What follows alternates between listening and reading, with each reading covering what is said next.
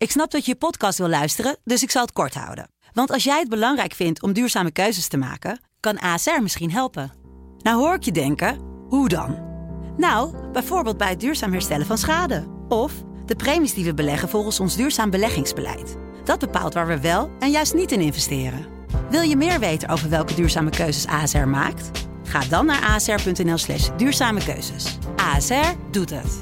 Zo, dan kan je nu lekker naar je podcast luisteren. Dit is een podcast van de Telegraaf. Het was heel erg pijnlijk, omdat je merkte dat de jongen er wel genoeg van begint te krijgen. Genoeg van de Kamer, genoeg van de kritiek. En dat leidde tot toch wat arrogante confrontaties ook. Dus dat ging niet helemaal lekker. Ik had voor het eerst ook een beetje het idee van als dit zo doorgaat, dan wordt hij op een gegeven moment nog naar huis gestuurd ook. Afhameren met Wouter de Winter. Vrijdag 18 december, de laatste afhameren met Wouter de Winter alweer van dit eh, kalenderjaar. Ja, Of er moeten hele gekke dingen gebeuren komende week. wat zomaar kan natuurlijk, uh, onder de huidige omstandigheden. Ja. Want- Maar nee, de bedoeling is dat, dat, het, eh, dat dit de laatste is voor de, voor de kerstvakantie. Ja. Zodat we de kerstdagen kunnen inrichten met, ehm, ik weet niet, eh de Never Ending Story kijken. En dat soort andere prachtige dingen die je eigenlijk elke kerst doet, toch? Ja, ja. En, en dit keer eh, alleen of met één iemand, want eh, meer is, niet, is, is natuurlijk Nee, niet, eh, maar niet dan toegestaan. kom je bij een gevoelig punt. Dus laten we daar snel Nee, dat, dat, gaan we niet, dat gaan we niet doen. Nou, normaal gesproken zou je denken de laatste van het jaar. Dan gaan we een beetje terugblikken op, het, op een heel jaar, wat, wat voor jaar het was. En, maar volgens mij als we het alleen maar naar deze week eh, Ja. gaan kijken, dan, eh, dan zit het alweer boordevol. Want eh, de Ja. toeslagenaffaire moeten we er toch wel echt over hebben. Ja. Ehm, we zitten in een lockdown. Dat was Ja. een week geleden nog niet het geval. En ja, vaccinaties. we gaan niet op 28 december vaccineren, maar Nederland is de laatste in de rij, 8 januari pas. Zullen we dat laatste dan maar Zullen we eh, beginnen? de koe bij de horens Want het was, eh, het was eh, laten we misschien even meteen beginnen met een fragmentje van Hugo de Jong, eh, hoe hij de pers te woord stond. En als ik me goed heb, was dit voorafgaand aan het debat dat plaatsvond op, eh, op donderdagavond in de Tweede Kamer. Ik heb hier toen gezegd, in de eerste week van januari verwacht ik de eerste prik te kunnen zetten. Nou, dat blijkt te lukken. Namelijk op de 8e. En dat is een waanzinnige prestatie van de GGD en van de RIVM en bij alle andere uitvoerders die daarbij betrokken zijn. En daar ga ik het bij houden. Omdat ik niet wil eh, dat omdat, hè, voor de symboliek, omdat ik graag de wedstrijd wil winnen van een buurland, eh, die uitvoering verder onder druk ga zetten. Dat ga ik niet doen. Hij komt zijn belofte na, want hij had gezegd in de eerste week van januari, en het gaat gewoon lukken. En eh, een waanzinnige prestatie van iedereen. Valt niets te klagen.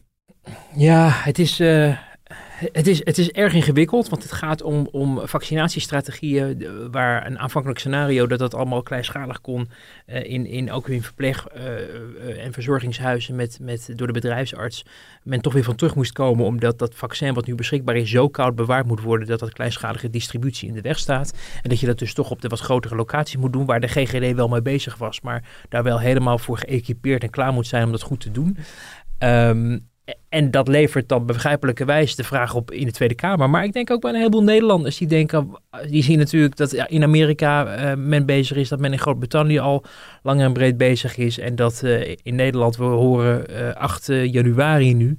Ehm, terwijl ja, het, het elders wel kan. En ja, de eerlijke conclusie is natuurlijk dat het feit dat het in andere eh, landen wel kan en bij ons nog niet, aangeeft dat wij er dus nog niet klaar voor zijn. Want anders hadden we ook net zo goed kunnen beginnen.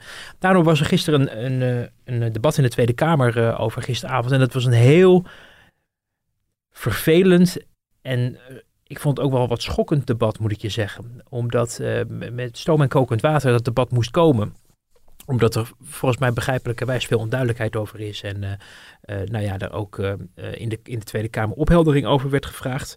Eh, maar ehm, eh, het is altijd gevaarlijk om een debat vlak voor het kerstreces, waarin iedereen toch moe is, niet in de laatste plaats de minister, eh, s'avonds te laten beginnen. Het begon om half negen en dat duurde ook tot, tot na middernacht. Ehm, en dan is iedereen moe en geïrriteerd en er komen verkiezingen aan. Dus het is een cocktail van ongelukken die kan plaatsvinden. En je merkte ook wel dat ehm, ehm, dat sentiment wel erg meespeelde. De vermoeidheid, maar ook de onderlinge irritatie. En het feit dat mensen in het land zich afvragen waarom niet nu aan de slag. En de argumentatie van de jongen is, eh, hè, we moeten klaar zijn en we gaan nu niet eh, voor de, voor de bühne dan maar een paar mensen vaccineren om dan vervolgens een week niks te doen en dan weer de volgende trits eh, te vaccineren. Maar het was, het was heel erg pijnlijk, omdat je merkte dat de jongen er wel genoeg van begint te krijgen.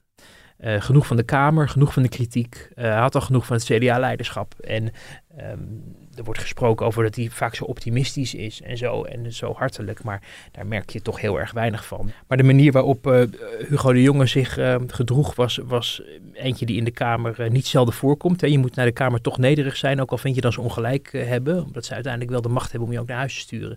En ik heb de indruk dat hij denkt van dat gaat me toch niet meer gebeuren, want we zitten in een crisis en het is allemaal heel erg en zet er maar eens iemand anders neer. En dat leidde tot toch wat arrogante uh, confrontaties ook, die ook echt als dusdanig werd benoemd door Lodewijk Asscher bijvoorbeeld. Uh, dus dat ging niet helemaal, helemaal lekker. En um, ik had voor het eerst ook een beetje het idee van als dit zo doorgaat, dan wordt hij op een gegeven moment nog naar, huis gestuurd ook. Uh, het gekke was dat de, de, ja, de, de, de redding eigenlijk een beetje kwam door Klaas Dijkhoff. Die zei van die er redelijk open in stond van oké, we vinden het belangrijk om te respecteren dat de GGD en allerlei organisaties zich goed moeten kunnen voorbereiden op de vaccinatie en dat dat dan ook gestroomlijnd moet en dat de registratie ook op orde is van, van wie heeft wel en wie heeft niet een vaccin gekregen, maar zou je niet alvast kunnen beginnen met, met een groep mensen die dan weliswaar nog niet tot de doelgroep behoort, Ehm, die als eerste aan de beurt is, namelijk de mensen in de, in de, in de, die verpleging doen in de, in de verpleeghuizen en verzorgingshuizen. Maar dan een andere groep, zodat je in ieder geval maar alvast begint. En toen werd duidelijk dat als je dat doet, dat je dan van de hoeveelheid vaccins die je nu hebt, een deel die bestemd is voor die eerste cruciale groep, niet kan gebruiken voor die eerste cruciale groep. En dat is natuurlijk wel een kantelmoment, want mhm. we willen niet voor niks die mensen als eerste doen. En we gaan niet voor niks niet beginnen met de studenten. Vanwege besmettingsgevaar, mhm. risico, vatbaarheid voor het virus. En dat was een gebaar wat vanuit de VVD dus aan Hugo de Jonge werd aangereikt in een vraag. Want zo gaat het af en toe in debatten.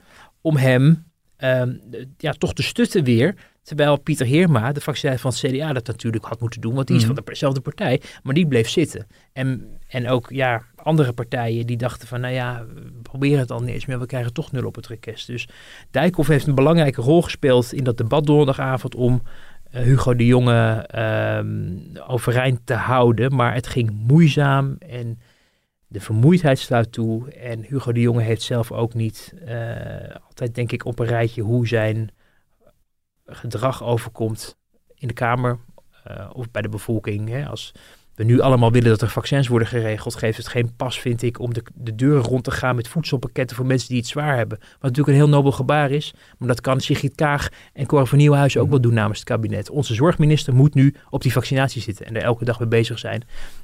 En hij blijft toch al die andere dingetjes erbij doen. Nou ja. Het is fascinerend hoe dat dan eigenlijk gaat. Maar ik hoor je echt allerlei elementen benoemen die uh, volgens mij waar we, waar we door kunnen pakken. Want de CDA-minister die daar niet echt meer namens het CDA zit. Althans, het, het, lijkt erop dat de CDA-fractie eh, niet nou echt achter die minister staat. Nou, ze zullen, hij was nog maar vorige week was hij nog partijleider, dus ze zullen hem niet gelijk uh, afvallen. Maar ik merkte wel dat de, de, de verbondenheid wat achterbleef en dat ook het CDA zich realiseert dat het misschien belangrijk is om um, um, de manier waarop het coronadossier toch blijft schokken hè, met lockdowns, met testcapaciteit die niet op orde is, met vaccins die te laat, uh, of althans, uh, het, want het gaat mhm. best wel snel, laten we wel wezen. Dat was ook de argumentatie van de jongen. Van ik had 4 januari gezegd, het wordt 8 januari, het is in dezelfde week en kijk eens hoe snel het gaat. Uh, maar dat de, de teleurgestelde kiezer over de manier waarop de corona wordt aangepakt, uh, vooral nog steeds bij het CDA uh, zich thuis moet voelen. En dat men daarom ook opgelucht is dat Wopke Hoekstra uh, het gezicht is. afstand kunnen nemen, want dat corona dat is Rutte, dus de VVD. En dat is Hugo de Jonge en dat is niet onze leider meer. Uit, nou, uiteindelijk moeten er wel verkiezingen worden gewonnen. En, en je zal in de komende tijd zien dat het CDA ook gaat, gaat veranderen van dingen die ze belangrijk vinden benadrukken. En dat is denk ik ook wel op de toekomst gericht. wat wil je nou met Nederland straks ook het aanbieden van een alternatief voor Rutte, een nieuw leiderschap bieden. En dat die ehm, nadruk op die, uh, ja, op, die, die inzet zeg maar, richting de verkiezingen. Dus een hele andere is dan je met uh, uh, iemand zou hebben die ook de coronacrisis aan het managen is. Omdat de vraag is hoe lang dat nog een politiek winstdossier kan blijven als elke keer mensen het idee hebben dat er niet wordt geleverd wat hen beloofd is. Ehm, eh, dan die eh, argumentatie het dan in een debat gaat. Want het geeft ook aan op een gegeven moment stelt Klaas Dijkhoff dan een vraag waardoor, waarop Hugo de Jong antwoord kan geven wat als een kantelpunt wordt gezien.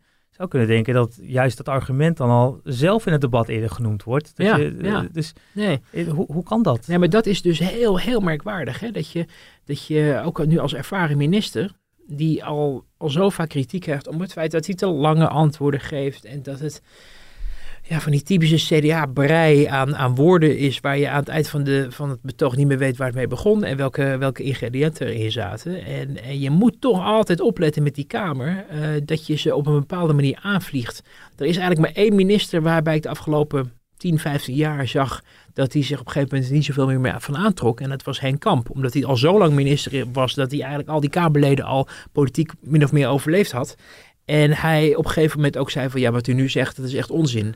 Uh, maar doe dat maar eens nu richting Jesse Klaver, richting Lodewijk Asscher. Partijen waar het kabinet nogal op bouwde de afgelopen tijd. Als het uh, was om uh, te zoeken naar steun voor, voor allerlei voorstellen. Omdat ze een minderheid hebben natuurlijk in de Eerste Kamer en ook geen meerderheid in de Tweede Kamer. maar je zag dat ja, de normale omgangsvormen gewoon uit uit het zicht raakten. En dat onthouden ze natuurlijk Hmm. wel bij, bij, bij die oppositiepartijen. En er komen natuurlijk verkiezingen aan, maar hij heeft niks meer te verliezen. Dat is eigenlijk de situatie waar we in zitten. Dus hij trekt zich ook niet zoveel er meer van aan als mensen hem vragen stellen die hij zelf irritant vindt. Want dan zegt hij gewoon dat hij het eh, tegen Asje gewoon, ja, u haalt nu van alles door elkaar. Nou, je kan dat argument in de Tweede Kamer misschien nog best wel eens maken richting Tweede Kamerleden. Maar Lodewijk Asscher is niet het Kamerlid dat eh, zijn zaakjes niet op orde heeft. Of niet eh, uit zijn hoofd heel goed kan redeneren eh, wat er gaande is. En ehm, dus dat was een ja, stekelige confrontatie. Hm. Waar Asscher ook weer stekelig op reageerde. En ik dacht, nou, het is dat de cafés gesloten zijn, maar een biertje drinken hierom zou geen overbodige luxe zijn tussen de twee heren. We, krijgen straks eerst nog verkiezingen. We weten nog niet wat voor eh, kabinet we daarna krijgen. Maar Hugo de Jong heeft tot nu toe altijd wel gezegd dat hij, uh, als het nodig is, natuurlijk wel beschikbaar blijft als minister. Tenminste, hij heeft het niet uitgesloten. Hij heeft niet, ja, hij heeft niet uitgesloten. Heel, echt die kier opengelaten. Dat viel mij nu op. Maar als ik hem gisteren zo bezig, of hè, donderdagavond, Precies. ik weet niet wanneer mensen het luisteren. Maar als ik hem donderdagavond bezig hoorde, dacht ik nou, voor hetzelfde geld uh, zit hij de rit nog uit en is het daarna klaar. Ja, en, uh, en uh, we doen geen uh, terugblik op het, op het jaar zoals aan het begin aangekondigd. Maar dat is het toch een van de meest, nou, misschien wel schokkende momenten in politiek Den Haag dit jaar is al geweest. Bruno Bruins, die letterlijk omviel tijdens ja. een debat als coronaminister. Ja. als je dan nu Hugo de Jonge ziet Ja. en de druk, is, is dat ook een vrees? Is, wordt er ook zo naar gekeken? Nou, het gekke is, dat, dat, dat werd dus door Jesse Klaver werd dat nog ingebracht. Die dacht op een gegeven moment, het is middernacht. Uh, misschien moeten we stoppen en dan gaan we volgende week wel verder, want de gemoederen lopen te hoog op en dat gaat niet lekker.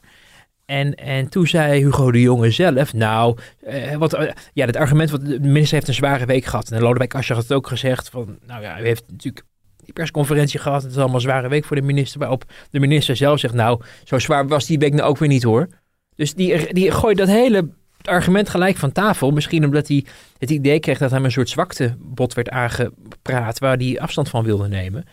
Uh, maar ja, ik dacht wel van nou, het ging allemaal niet lekker. En er werd ook ontzettend in de Kamer, ook in de coalitie, over geroddeld van hij maakte echt een puinhoop van. Mm -hmm. En uh, het gekke was dat ook uh, Mark Rutte bij het debat was uitgenodigd, geen vragen kreeg, maar er wel blij bleef de hele tijd. Alsof hij een oogje in het zeil aan het houden was, of toch wilde uitstralen dat Hugo de Jonge mede namens hem sprak, wat natuurlijk staatsrechtelijk zo is. Maar de manier waarop dat ging, dacht ik, nou, als Rutte dit debat had gedaan, dan was het echt op een andere manier gegaan. En ik denk ook een betere manier voor zowel uh, de, nou ja, de waarheidsvinding dan, of de, de, de argumentatie van waarom die vaccins vanaf 8 januari, als voor de verhouding met de Kamer en, en um, daarmee ook de geloofwaardigheid van de boodschap die het kabinet wil uh, verkondigen hierover.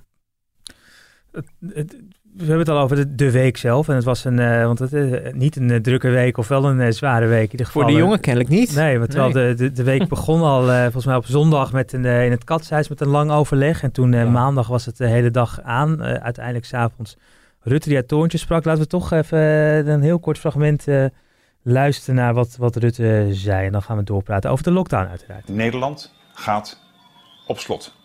Voor een periode van in ieder geval vijf weken in lockdown. En de realiteit is ook dat we niet te maken hebben met een onschuldige griep... wat sommigen, bijvoorbeeld de demonstranten hier buiten, nog steeds denken, maar met een virus dat iedereen hard kan raken. We komen hier doorheen. Met elkaar en voor elkaar.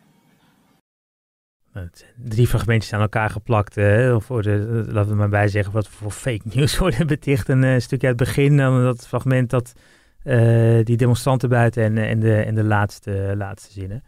Als je nu een paar dagen later terugkijkt, hoe moeten we die speech van Rutte, hoe heb jij ernaar gekeken? Um, nou ja, toch, een, toch een gelukje ook weer gek genoeg van, dat, van het protest buiten. Hm. Omdat een heleboel mensen denk ik dat hebben aangehoord en gedacht, nou weet je, laat die man zijn verhaal doen en dan maken we zelf wel uit wat we ervan mm vinden. En dat hoeven jullie niet onmogelijk te maken of af te leiden. Dus uh, mensen die ook gevoelsmatig zoiets hadden van, nou, ik weet het allemaal zo net nog niet. Die stonden al heel snel alleen als de veronderstelling was dat de mensen die buiten stonden eh, het geluid vertegenwoordigen dat niet automatisch het allemaal zo'n goed idee vindt.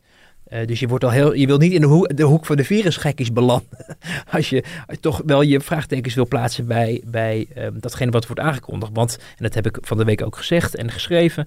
Het blijft natuurlijk heel merkwaardig dat je een paar maanden geleden nog oorlog in het kabinet hebt over de maatregelen die nu zijn ingevoerd. Omdat men zegt, er staat nergens uh, zwart op wit of met enige aan zekerheid grenzende waarschijnlijkheid een argumentatie op papier. Waaruit blijkt dat als jij uh, besluit om de kappers te sluiten, de IC-capaciteit weer op mhm. orde komt. Uh, hè, of of de, de, de toestroom daarna. Iedereen ziet dat die besmettingen toe, uh, toenemen. Iedereen ziet ook de beelden uit de verschillende hoofdsteden of de grote steden. Hè. Dus Koopgoot, Kalverstraat, waar het gewoon druk is. En het idee dat toch de goede onder de kwade lijden. Mhm. Eigenlijk een idee wat we natuurlijk de hele crisis al meemaken. Een heleboel sportscholen, restaurants, winkels, die allemaal looproutes en heel streng toezicht houden op het naleven van de regels, zodat mensen niet besmet kunnen raken. En allemaal nu geraakt worden door een lockdown die niet één of twee of drie weken duurt, maar vijf weken. En nu valt het nog mee, want nu denken we de kerstdagen komen eraan en het is vakantietijd en we bestellen wel veel via internet en we kijken inderdaad de Neverending Story nog een keer. Netflix en de, Queen, de Gambit, Queen of the Queen Gambit, of wat dan ook.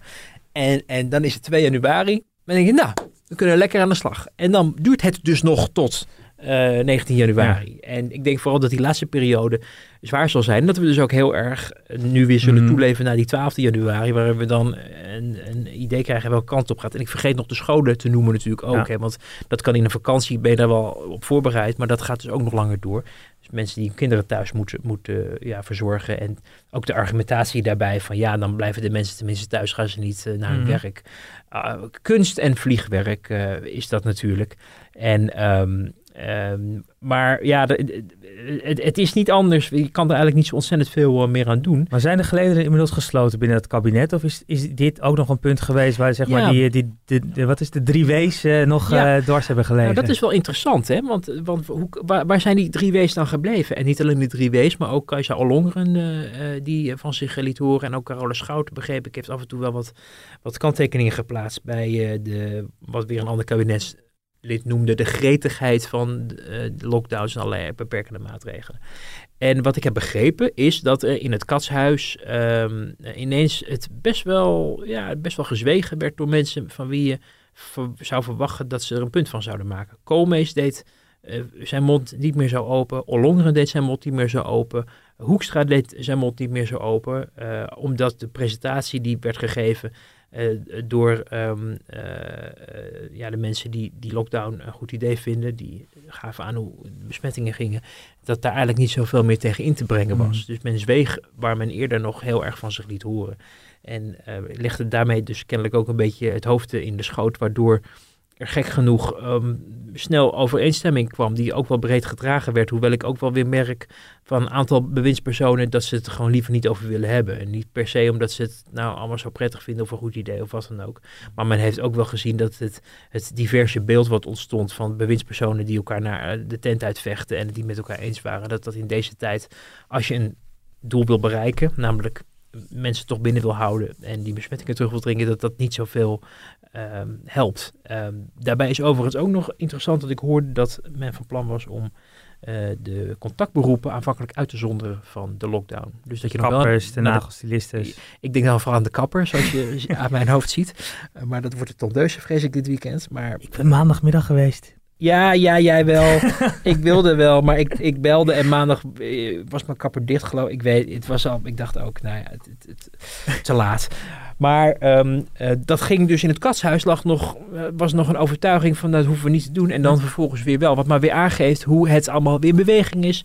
Hoe ook de noodzaak die kennelijk nog niet zondag werd gevoeld voor het sluiten van kappers en andere contactberoepen, ineens maandag wel weer op tafel lag. Wat ik ook weer enige ja, gevoel van dat het toch een beetje arbitrair is. Hè? Want eerst was het nog niet nodig, dan ineens wel. En waarom eigenlijk? En hoeveel cijfers liggen daar dan aan ten grondslag? Kortom, ehm, ja, het blijft, het blijft eh, onnavolgbaar hoe die besluitvorming eh, tot stand komt daar in dat katshuis in de zogenaamde informele sessie Mm. en vervolgens eh informele sessie in het kabinet. Maar we zitten eh, eh, ja, met elkaar in hetzelfde schuitje nu vijf weken lang. En ik denk dat als eerste straks eh, de scholen open gaan, maar dat je nog best rekening kan houden dat op 19 januari nog niet alles wat nu beperkt is, weer open is. We zitten straks februari met vlechtjes eh, in, in de haren in de studio. Ehm, nu heb jij het hier heel vaak eh, benoemd, als we het, het vaak terugkijken. Die zomer, toen op, op een gegeven moment zelfs de ministers op vakantie eh, Ja. gingen. Als ik een beetje v- vrij parafraseer, zoals het hier vaak genoemd is. Hoe gaat het nu de komende weken? Is het, kijk, ze gaan niet naar het buitenland.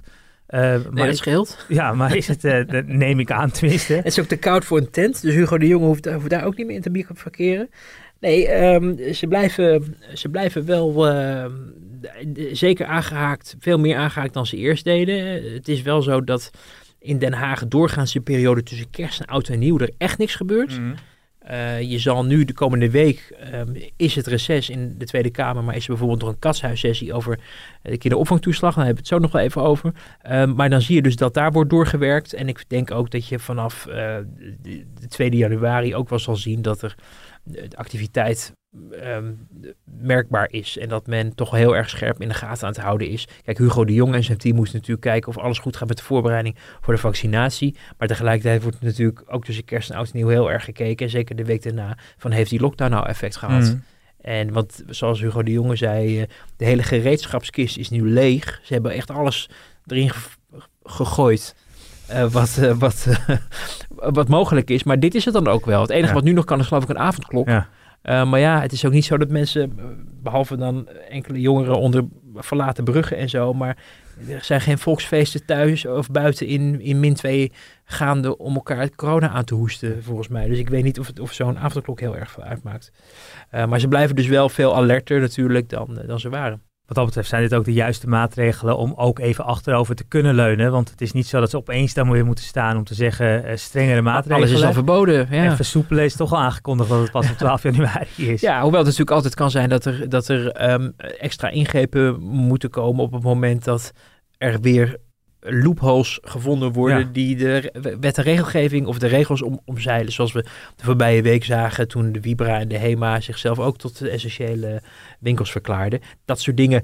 eh, ik had er van de week met Wilson de Boldewijn natuurlijk al een, een filmpje over opgenomen. Dat blij- blijf je houden. Hè? Elke Ja. keer worden maatregelen afgekondigd die we niet eerder hebben gezien. Die worden ingevoerd met het doel om iets te bereiken, maar dat daar nog allerlei in onze vrije samenleving en met allerlei verschillende belangen en winkels in dit geval met verschillende functies, ehm, is het ook voor een kabinet lastig vooruitschakelen om al een heel pasklaar lockdown draaiboek te hebben waarbij je alles tot op de millimeter geregeld hebt. Ja. Dus het is niet zo raar dat er eh, dingen onduidelijk zijn, want dat is tot nu toe steeds gebeurd met maatregelen. Alleen dit was extra pijnlijk, ook politiek natuurlijk, vanwege het feit dat er nu leek dat de, de, de, de kledingzaken op de hoek of de cadeauwinkel eh, in, in, eh, eh, in de winkelstraat de dupe werden, terwijl de Action en de Vibra's, die toch als de grote bedrijven, de, Precies, ja. hè, de, de rijke, vermogende organisaties worden gezien, ehm, eh, ja, dat daar voor een oogje werd dichtgeknepen. Dus daar moest het kabinet ook op acteren. Omdat,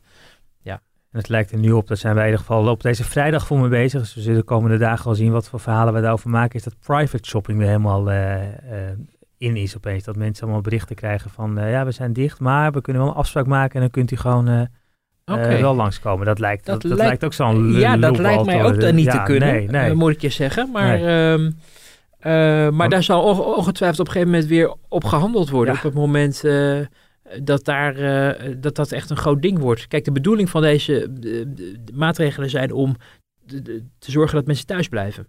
En elkaar niet tegenkomen of tegen elkaar op kunnen botsen in winkelstraten. En alles wat daar toch op gaat lijken, daar zal het kabinet op ingrijpen, denk ik. Nou ja, mensen, houdt u zich eraan, eh, zeggen we dan maar even stichtelijk aan het, eh, wees aan het einde denk ik van dit onderwerp. Ehm, tot zover corona dit, eh, dit jaar. Dit, eh, laten we dan naar een, een, heel groot eh, politiek onderwerp wat buiten corona om valt gaan. Die kinderopvangtoeslag. Nu is het rapport inmiddels gepresenteerd, op, ook op deze donderdag, net nog voor dat reces. Ehm, ja, er zijn echt harde woorden gevallen. Hè? Dat, eh, Ja, en eh, dus een heleboel dingen over te zeggen. Eh, jij noemt het een rapport. Ehm, in, dat is het in feite wel, maar met een uitzondering dat het vooral een verslag is Hm. van datgene wat er gezegd is, met een paar constateringen. Maar ehm, eh, de, de, de conclusies die er kunnen worden verbonden, of de aanbeveling hoe dingen beter moeten, dat is iets wat natuurlijk de politiek zich over moet buigen. Omdat het een mini-enquête was, was dit gewoon bedoeld om waarheidsvindingen te reconstrueren. En recher- rechercheurs noemen ze zich in de commissie ook wel om een beeld te krijgen van waar is het van de rails gelopen, welke mensen zijn ervoor verantwoordelijk geweest. En ehm, als je dan zo'n rapport leest, dan zie je eigenlijk een opsomming van wat we de afgelopen jaren in publicaties hebben gelezen in media, eh, in debatten voorbij hebben zien komen, maar ook in die, die bijzondere verhoren natuurlijk van een paar weken geleden. En, en in zekere zin, als je die hebt gevolgd, en die heb ik gevolgd twee weken lang, hoorde ik en las ik eigenlijk dezelfde dingen als ik heb gehoord. Ehm, maar als je ze allemaal onder elkaar zet en dan inderdaad inkadert van dit is gebeurd, dan ehm, ja, komt dat natuurlijk wel heel hard aan. En, en natuurlijk in de eerste plaats voor het leed wat mensen is aangedaan en nog steeds wordt aangedaan omdat ze niet gecompenseerd zijn en hun kinderen geforceerd zijn om in armoede te laten opgroeien. Echt menselijke drama's, verschrikkelijk. Ehm, eh, dus dat staat buiten kijf. Maar vervolgens kijk je naar de politieke verantwoordelijkheid daarvoor. En die ligt uiteraard bij de politiek, eh, bij, bij het kabinet eh, dat er zit. Ook al is al iemand afgetreden, maar werd ook wel duidelijk dat daarna ook bijvoorbeeld rond die informatievoorziening nog steeds een heleboel is misgegaan. En dingen nog steeds onder het tapijt zijn geveegd. En dan twee weken voordat de, de, de, commissie haar verhoren begon, ineens een heel cruciaal memo bijvoorbeeld opdook. Terwijl iedereen die daarbij betrokken was, al die maanden lang wist dat dat memo bestond, omdat ze het daarover gehad hebben in het managementteam van eh, de Belastingdienst. En, ehm, en waar dus ook bewindspersonen van wisten. Dus dat geeft een, een ontluisterend beeld. En ehm er wordt dus aanstaande dinsdag over overlegd in het katshuis. Misschien dat ze het er vandaag ook al over hebben in de ministerraad op vrijdag. Maar in het katshuis is er een aparte sessie voor belegd. En dat wordt een, eh, een hele interessante en belangrijke sessie, denk Mhm. ik, voor ook het voortbestaan van het kabinet. Want dat gaat over drie maanden naar huis. Omdat het, wordt het althans demotionair. Omdat er dan verkiezingen zijn geweest er een nieuw kabinet komt. Maar ehm, de politieke verantwoordelijkheid wordt door dit kabinet gedragen. En er is al een staatssecretaris afgetreden. Maar het leed is zo heftig dat er gisteren al in Den Haag eh, eh, geruchten de ronde deden dat het misschien wel eens op een einde van het kabinet zou uit kunnen, Mhm. kunnen draaien. En, en eh, er is een heleboel voor te zeggen wellicht en ook wel dingen tegen te zeggen, want wat maakt het eigenlijk uit? En het zijn de mensen, wat heeft de, de minister van, van Verkeer en Waterstaat te maken met wat er gebeurd is in, eh, of infrastructuur en waterstaat moet ik zeggen. Maar wat heeft die ermee te maken dat er onder staatssecretaris Wiebes van Financiën in 2014 dit en dit is Mm. gebeurd? Eh, maar men zal zich in het katshuis ook moeten afvragen wat het nou betekent voor de bevolking die men geacht wordt te dienen. Als diezelfde bevolking ziet dat dit mogelijk is en dat daar eigenlijk ehm, jarenlang niet op is ingegrepen. Ook al waren de signalen duidelijk en hebben de verschillende bewindspersonen, sociale zaken, maar ook financiën. En misschien ook de, zeker ook wel de premier, die al die tijd wel meekeek en ervan hoorde. eh, niet hebben gezegd nu is het klaar, nu gaan we er wat aan doen. Want vanuit eh, de, de, de Kamerleden die zich helemaal hierin hebben vastgebeten, eh, om zich bij het CDA, maar, ook zeker Renske Leijt bij SP, is echt, echt wel die roep van ah, de premier Rutte. Eh, maar in het verleden was het Ascher, dus daarmee de, de Ja. huidige minister van Sociale Zaken, Ja. werkgelegenheid. En, en Erik Wiebes in het verleden als staatssecretaris. Daar, moet, daar is wel echt de roep van, eh, die, die moeten nu maar eh, consequenties eraan Ja. verbinden. Nou ja, voor Asscher is dat in feite pijnlijk omdat hij lijsttrekker is van het Mm. PvdA nu, maar hij zit natuurlijk niet in het kabinet. De, de, de politiek verantwoordelijke erfgenaam daarvan is eigenlijk staatssecretaris Bas van het Woud. Ah, ja. Die, die inmiddels sinds de zomer pas staatssecretaris is overigens. Dus ehm, ja, die zit natuurlijk ook in een heel rare situatie ineens. Dat hij daar nu de politieke amst, uh, erfgenaam van is. Maar goed, zo werkt dat nou eenmaal. Maar ik denk dat het, ehm, ja, je moet er wel rekening mee houden dat er ook wel stemmen opgaan in Den Haag. Ook in de coalitie van, misschien moeten we als heel kabinet onze verantwoordelijkheid mhm. hiervoor nemen. En dan wordt het de, de, afweging die dan gemaakt wordt van ja, is, doet dat recht aan wat er gebeurd is? Uh, lost het een probleem op? En ehm, wat ook gewoon meespeelt, zijn de verkiezingen. Ja. Voor wie pakt het slecht uit op het moment dat het kabinet demissionair wordt en, en de verantwoordelijkheid neemt? Het kleeft natuurlijk aan Rutte dat zijn derde kabinet niet de rit uitzit. Eerste ook niet, tweede wel. Um, hè, bij Balken had je natuurlijk de situatie dat geen enkel kabinet uh, de rit uitzet. En dat begon ook op een gegeven moment aan hem te mhm. kleven. Maar dat kan bij Rutte niet, uh, uh, hoeft dat niet aan hem, wat dat betreft aan hem te kleven. Maar wat wel aan hem kleeft, is dat hij er wel tien jaar lang verantwoordelijk voor is geweest. Dat dit allemaal onder zijn kabinetten is gebeurd. En daarmee, dat hoor je ook in die coalitie, uh, de man uh, nu de rekening krijgt gepresenteerd voor datgene wat er onder zijn bewind is misgegaan. Hè? En je hebt heel vaak dat dingen in Den Haag vroeger mis zijn gegaan en dan zitten we nieuw verantwoordelijk en dan kan je ook afvragen, ja, waarom moet dan diegene weg als het allemaal onder die voorganger is gebeurd? Voor hetzelfde geld hadden we nu minister Leijten van Financiën en uh, minister Omtzigt van de Sociale Zaken. Zou dat kabinet dan alsnog weg moeten? Want mm -hmm. ze zijn weliswaar de politieke erfgenamen. Uh, maar ja, tegelijkertijd weten we ook wel een beetje hoe zij in de wedstrijd mhm. zitten. Uh, maar de, het, feit dat de verkiezingen aankomen zal ook betekenen dat verschillende partijen een, een, een, calculatie zullen maken van wat betekent het voor ons als het kabinet valt? Hè? Wat betekent het voor de VVD? VVD kan zeggen ja, we, hebben, nemen verantwoordelijkheid, maar we laten nu ook de kiezer oordelen over um, wat er is misgegaan en of Rutte nog een nieuwe kans verdient. Het CDA kan zeggen van nou ja, dit is onze kans om Rutte onder de, onder de bus te gooien, want we hebben een, nieuwe, een nieuw alternatief klaarstaan. Dus aan ons zal het niet liggen. Uh, D66 natuurlijk hè, bijna wekelijks over die partij en, en, en de rampzalige campagne die daar plaatsvindt. En die niet van de grond komt eigenlijk, moet ik beter zeggen. En die ook weer een ja, een, een moment kunnen hebben dat de kaarten weer opnieuw worden geschud. En dat het ook in hun voordeel kan uitpakken. Uh, dus, uh, Want het is tijd voor nieuw leiderschap. Het is tijd voor nieuw leiderschap, inderdaad, op Gimpen. Dus ja, uh, de, de, de, dat soort dingen kunnen allemaal meespelen. En, en um, dus er wordt aan de ene kant, denk ik, en dat is wat in de eerste plaats moet gebeuren, heel goed nagedacht in dat katshuis over wat kan je doen voor de mensen die hier de dupe van zijn geworden. Mm -hmm. Dat moet eigenlijk het eerste gespreksonderwerp zijn. hoe kan je ze helpen? Mm -hmm. En vervolgens, welk politiek oordeel trek je uit wat er gebeurd is voor jezelf en voor je eigen ploeg. En wat, wat, wat, wat blijft er dan vervolgens hangen richting komende verkiezingen? Er is natuurlijk één factor die de boel heel erg verstoort. En dat is de coronacrisis, waardoor uh, belangen, maar ook nieuwsontwikkelingen en aandacht ook van de bevolking ja. op hele andere dingen kan zijn op het moment dat er straks in de Kamer over gedebatteerd wordt. Hè? Want dan hebben we half januari, zijn we een maand verder, hebben we als het goed is de eerste vaccins toegediend gekregen. Misschien hebben we wel meer vaccins gekregen. Uh, de lockdown moet dan langzamerhand mm -hmm. verlicht worden of niet. Dus het kan zijn dat dat weer de actualiteit veel meer gaat beheersen, waarbij de, de positie van het kabinet uh, weer helemaal niet meer zo in de picture staat. In normale tijden was, was dit een heel uh, was dit een onderwerp geweest wat misschien nog veel meer aandacht had gehad dan dat het nu krijgt.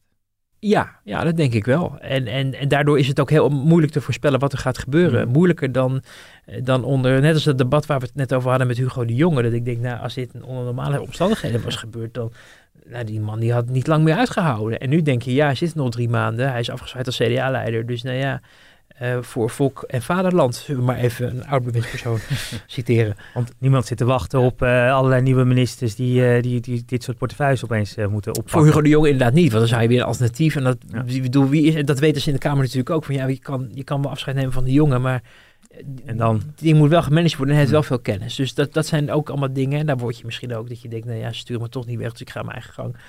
Nou, voor, voor, voor de kinderopvangtoeslagaffaire zal het niet zoveel uitmaken of het kabinet uh, qua slagkracht of het blijft zitten of weggaat. Want ze zijn al bijna weg vanwege de verkiezingen. En demissionair klinkt eh, heftiger dan het is. Want eh, de facto hebben ze nu al geen meerderheid. Moeten ze de hele tijd al voor voorstellen shoppen bij Mhm. verschillende oppositiepartijen. En ze- de meeste wetgeving is doorheen, de begrotingen zijn er doorheen. Dus ehm, de, qua slagkracht valt het wel mee. Het is meer het, het morele gebaar wat je kan maken nadat je je eigen bevolking, of een deel van die bevolking, eh, zo schandelijk eh, hebt behandeld. Nog wel een, eh, nou, misschien een domme vraag, maar eh, want ik hoor je zeggen dinsdag en dat is overleg in het katshuis. Is dat dan ook meteen weer zo'n informele sessie waar geen verslag van van wordt gemaakt? En eh, dat lijkt me juist in deze affaire. Het katshuis staat er tegenwoordig symbool voor. Daar gaan, we het, daar gaan we het liever niks van vastleggen. Want dan kunnen we lekker met de benen op tafel in onze hoodies een beetje filosoferen over wat we er allemaal van vinden. En dan eigenlijk alles al voorkouwen. En dan doen we net alsof we alle besluiten buiten het katshuis nemen. Ehm, het, het, het heeft een wat informeel karakter, gek genoeg. Terwijl het de ambtswoning is van de premier. Hè? Eh, je kan dan eigenlijk net zo goed een zaaltje bij de Van der Valk gaan huren dan. Als je toch informeel wil praten. Maar men wil, eh, wil dat daar in die... Ik denk ook vanwege het feit dat daar wat ruimte is. Hè? Mhm. Het is natuurlijk... Katshuis heeft wel een grote zaal waar je misschien wat beter uit elkaar kan zitten dan bijvoorbeeld in de zaal waar ze nu eh, vergaderen op het ministerie van AZ. Eh, omdat dat eh, qua akoestiek ook niet heel erg fijn is. En bovendien, op het moment dat je op AZ gaat vergaderen, dan begint het al heel snel een kabinetscrisis te lijken natuurlijk. eh, over dit onderwerp. Dus men probeert dan ehm, ja, dat in het katshuis te doen. En ehm, ik ben heel benieuwd wat we daar na afloop van horen. Maar, maar, maar, maar- maar geen verslag, hè? Stel dat het informeel is en er, Ja. wordt geen verslag. Maar dat is juist een van de punten die in, in, in, dat, Ja. in dat hele ding terugkomt. Ja. Dat er zo slecht verslag eh, wordt gedaan, dat, eh, dat dingen worden Dingen- weggemoffeld. dat eh. dingen niet vindbaar zijn. Hè? En dat er heel vaak ook gevraagd is, ook in die, in die verhoren, van waarom heeft u niet eerder daar iets van gevonden? En dan af en toe hoorde je dan wel van, ja, we hebben er wel eens over gehad, maar ik weet niet meer wanneer. En, en het was informeel en in de marge van. En eh, ja, dat wreekt zich wel, omdat ook voor als je de waarheid wil reconstrueren, eh, die commissie natuurlijk af en toe ook zoiets had van, het, hoe is het mogelijk dat als je ziet en hoort van ambtenaren en topambtenaren nu dat men wel degelijk een groot probleem zag, eh, dat niemand daar ooit ja, over aan de bel heeft getrokken. En een punt van heeft gemaakt in de ministerraad of in een onderraad. Nou ja, in dezelfde stijl gaat men door, dus met zo'n informele sessie in het katshuis. Ehm, ik denk dat uiteindelijk we nu al zo ver gevorderd zijn dat de vraag ook niet meer gaat over wie het boetekleed aantrekt binnenskamers of met goede ideeën komt, maar gewoon blijft het kabinet zitten of niet. Dat wordt de conclusie van het katshuis. En of we die conclusie na het katshuis horen, als het goed is niet, want men zal eer, eerst verantwoording willen afleggen aan de Kamer. Maar rond dat ehm, debat zal er wellicht nog een keer met elkaar gesproken worden. Ook vanwege de reden die ik net noemde, hè, van er zijn, mhm. zijn dan weer een paar weken verder, wie weet waar de focus dan ligt. En dat men dan vervolgens nog een keer met elkaar afspreekt van oké, nu komt het debat eraan. Wat gaan wij zeggen? Wat gaan wij doen? Maar het is, on, het is, het is onvoorspelbaar. Want het, het kan in theorie ook nog dat er, dat er volgende week iets heel geks gebeurt. Omdat er partijen zijn die zeggen: ja, niks wachten tot het debat. We gaan nu al onze verantwoordelijkheid nemen. En desnoods trekken wij onze ministers wel terug uit het kabinet. Ons podcastjaar eindigt met GTST-achtige, eh eh, tenminste een cliffhanger Nou, het van GTST-achtige proporties. eh. iets serieus. Nou, ja, maar wel, misschien wel iets serieus. ja, wel serieus, maar ik bedoel, wel. maar qua, qua cliffhanger. Het kan zomaar zijn dat, Ja. dat er dus gewoon straks Ja. tijdens dat eh, officieel reces... Nou, als er heel, als heel erg ongelukken gebeuren, dan eh, bedoel ik ben toch in het land. Dus eh, wie weet. Wie weet, zit- zit er dan toch... Het zeker serieus, maar wel... eh, het, het- ik bedoel, er speelt dus nogal wat, Ja. zelfs in deze... Ja, heel eh, het is gewoon heel spannend nu. Ja. Ja. Nou, je blijft het eh, in het... Je bent gelukkig in het land, dus je blijft het allemaal volgen. En in principe... En onderzoeken. En onderzoeken, zo. Ja, want anders is het net zo van, nou, ik zat te kijken en toen gebeurde dit. Maar af en toe bespreekt zelf ook nog wel eens iemand en dan hoor je ook nog wel eens wat. Gelukkig wat. En, ja. en wat je dan hoort, dat horen we dan hier ook weer eh, als het even kan. En eh, dat delen we dan, eh, dan graag. Nou, als alles goed gaat in goede gezondheid op vrijdag 8 januari, dan maken we weer een nieuwe podcast. En nou, als het nodig is, dan zijn we er natuurlijk. Zo is dat. Dank, dankjewel Wouter en dank voor het luisteren. Tot dan. Wil je meer podcasts luisteren? Probeer dan ook eens Kwestie van Centen. De financiële podcast van De Telegraaf. Waar moet je als ondernemer nou op koersen? Je krijgt van het kabinet de opdracht, pas je maar aan. Ja, waar, waar, waaraan dan precies? Dat nieuwe normaal, dat bestaat eigenlijk helemaal niet. We zijn onderweg naar een oud normaal en wellicht dat dat volgend jaar zomer al ongeveer gaat beginnen. Met de scherpe analyses van Martin Visser, ons zonnetje in huis. Het nieuwe normaal is natuurlijk uiteindelijk een verneukeratief frame. Het is net als de intelligente lockdown, vind ik het eigenlijk pure bullshit. Dit is niet normaal. Je moet ook blijven zeggen dat het niet normaal is. Dat we nu in een tijdelijke fase, die veel langer duurt dan we zouden willen, maar hij blijft wel tijdelijk, ons extreem moeten aanpassen om die situatie te managen. Maar dat betekent niet dat er achter de horizon een totaal veranderende samenleving ligt. En Herman Stam. Nou, ik was in ieder geval blij uh, dat jij nu juist een beetje wat meer de positieve tonen. Meestal zijn de rollen iets andersom. Elke vrijdag een nieuwe aflevering. Te beluisteren op de site of in de app van De Telegraaf of via je favoriete podcast-app.